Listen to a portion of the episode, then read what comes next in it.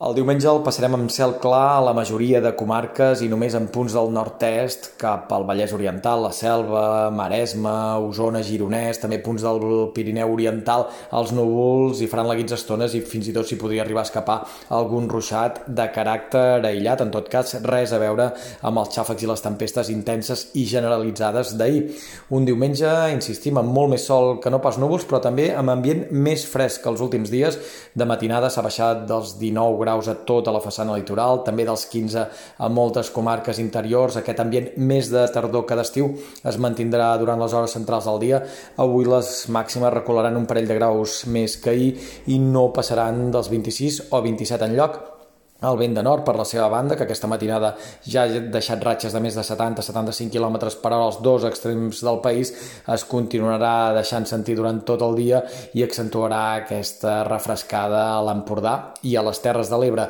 Per demà continuarà bufant el vent, les temperatures es mantindran a ratlla i tornaran els xàfecs i les tempestes, especialment a partir de migdia, regant punts de la Catalunya central, comarques de Girona, també de Barcelona, punts del Pirineu, especialment meitat oriental del país i durant el tram central de la setmana sembla que les pluges es concentrarien bàsicament al País Valencià i a les Illes. També quedaria algun ruixat de caràcter residual a Catalunya, en tot cas, un tram central de la setmana amb força núvols, temperatures que tocarien fons dimarts però que es començarien a recuperar a partir de les hores.